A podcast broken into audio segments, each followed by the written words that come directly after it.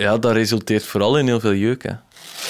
Hallo en welkom bij een nieuwe Plantrekkers. Plantrekkers nummer 48. Plantrekkers is de onafhankelijke podcast van Wederik en mezelf. Lucas de Rijke. En deze keer geven we eigenlijk het woord aan een heleboel andere makers. In deze aflevering zetten we het elan van de vorige gewoon verder. Vier korte stukjes van twee minuten. Zo hoor je in deze aflevering verhalen over nazi's, het schurft, kindertranen en een sappige anekdote van Vera, de mama van Lucas. Verder veel dank aan Roel Heremans, Frederik de Klerk en Helgi Schmidt.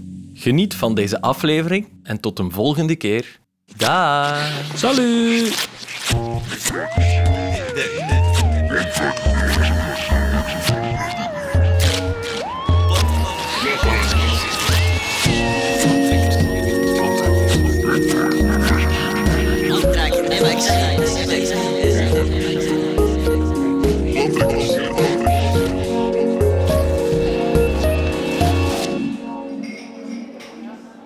Mijn man en ik zaten in een cafeetje recht over het station van Kortrijk.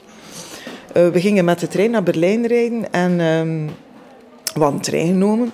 En we hadden veel tijd om over te stappen, dus we dachten we gaan een koffietje gaan drinken in een café rechtover. En we hadden zicht op het station, ja, een beetje klaar voor de reis, een beetje babbelen over de reis. Maar ondertussen keken wij veel naar buiten en naar de mensen die voorbij liepen.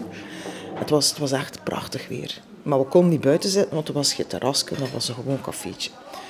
Dus keken wij wel naar buiten en viel ons zo één persoon op. Een man, uh, ja, begin de dertig, een beetje schoffel type.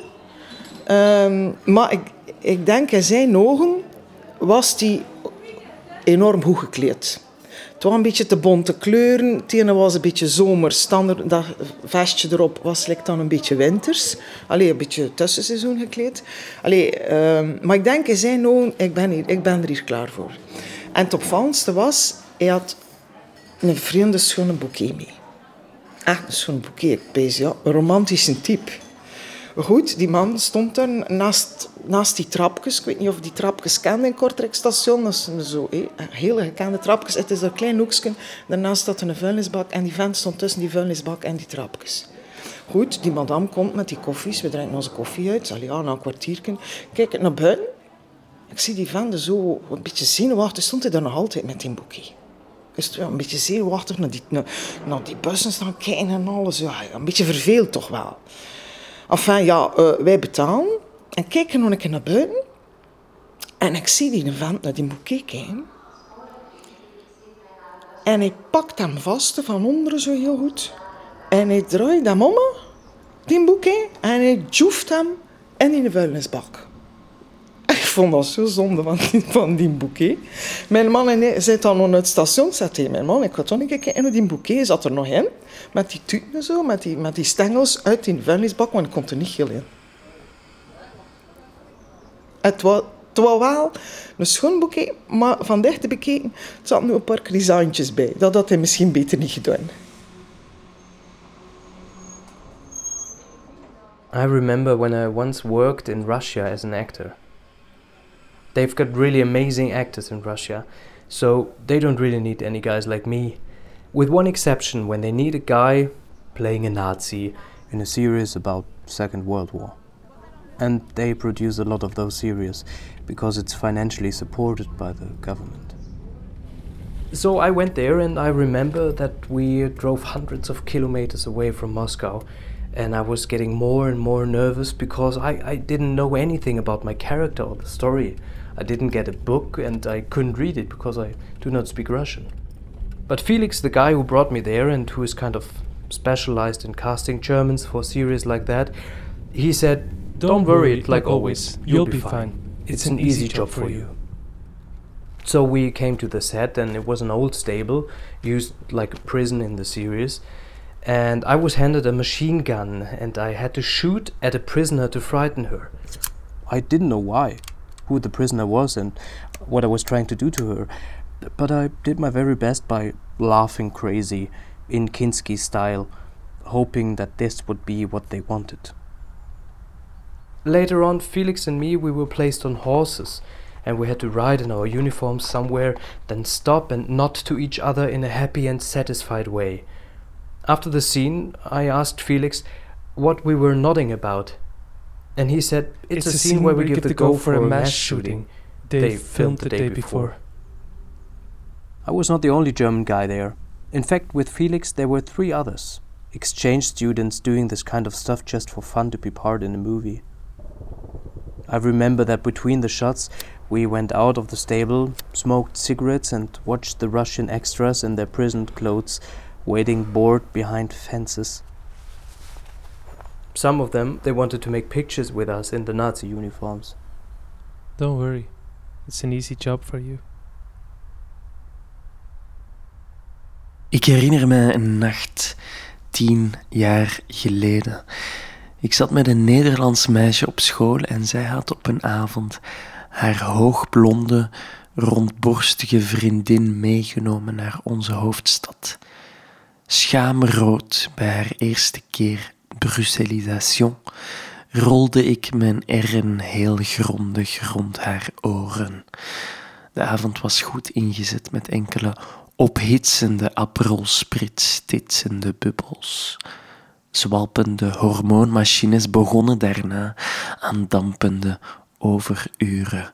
De Nederlandse schoolvriendin zag de bui al hangen en had zich uit de scène verwijderd.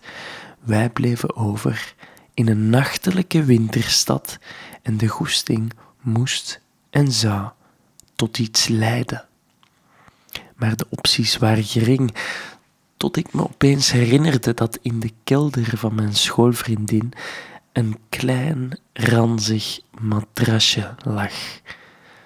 Toen wij, zat en zwemelend, de kelder binnendrongen, krasselden wij ons op dat gortig beddeke.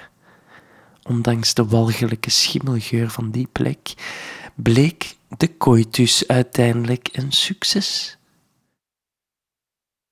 Twee weken later krijg ik een bezorgde telefoon uit Nederland. Een van ons twee had er dan toch iets aan overgehouden. Schurft en een maand in quarantaine.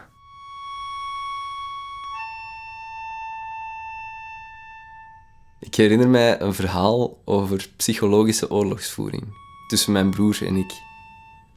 Mijn broer was een puber van 16 jaar en ik was een kleutertje van vijf. Ik was samen met mijn papa naar de kermis gegaan in ons dorp en ik had bij de eentjes een speelgoedje mogen kiezen. Een trompet. De hoorn was van zilver plastic en de knoppen, dus de ventielen eigenlijk, waren rood, geel, groen en blauw. Vier knoppen. En dus vier noten. En die vier noten waren genoeg om van het leven van mijn broer een hel te maken. Drie dagen lang terroriseerde ik met de schelde tonen van het trompetje het fijngevoelige gehoor van mijn toch al wel zeer prikkelbare puberbroer. Na dag drie werd het ja, zelfs voor mijn ouders wat te veel en vanaf dan mocht het trompetje enkel nog buiten bespeeld worden. In elke natuurdocumentaire zal je zien dat dit moment voor het roofdier de sleutel is tot het doen slagen van de jacht. De prooi van de kudde isoleren. Dus ik was buiten vrolijk aan het toeteren en mijn broer komt naar mij en vraagt... Zeg Frederikje, hoe sterk is uw trompetje eigenlijk? Dus ik antwoord dapper, heel, Heel sterk. sterk. Hè, je voelt hem al komen. Zou dat kapot gaan als je daarmee tegen die een boom slaat? Nee, Jawel. dat is niet waar. Mijn grote broer, sociaal hoogbegaafd, alles zorgvuldig opgebouwd tot deze zin. Is dat echt? Laat dat eens zien. En dat was het. Meer was er niet nodig om te zorgen dat ik mijn eigen trompetje in stukken vaneensloeg tegen een eikenboom in onze tuin. En zo eindigde het verhaal van het trompetje. Blijft natuurlijk moeilijk om te zeggen waarom we als broers of zussen elkaar het leven soms zo zuur maken, maar nu, 23 jaar later, is er bij mij niets dan begrip. En ben ik blij dat er zich tenminste één tegen de terreur van het trompetje verzet heeft.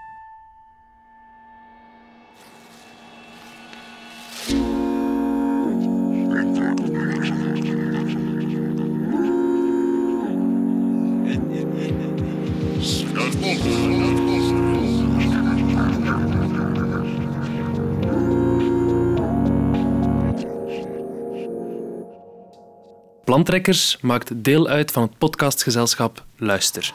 Luister. Kijk zeker eens op luister.be met een y.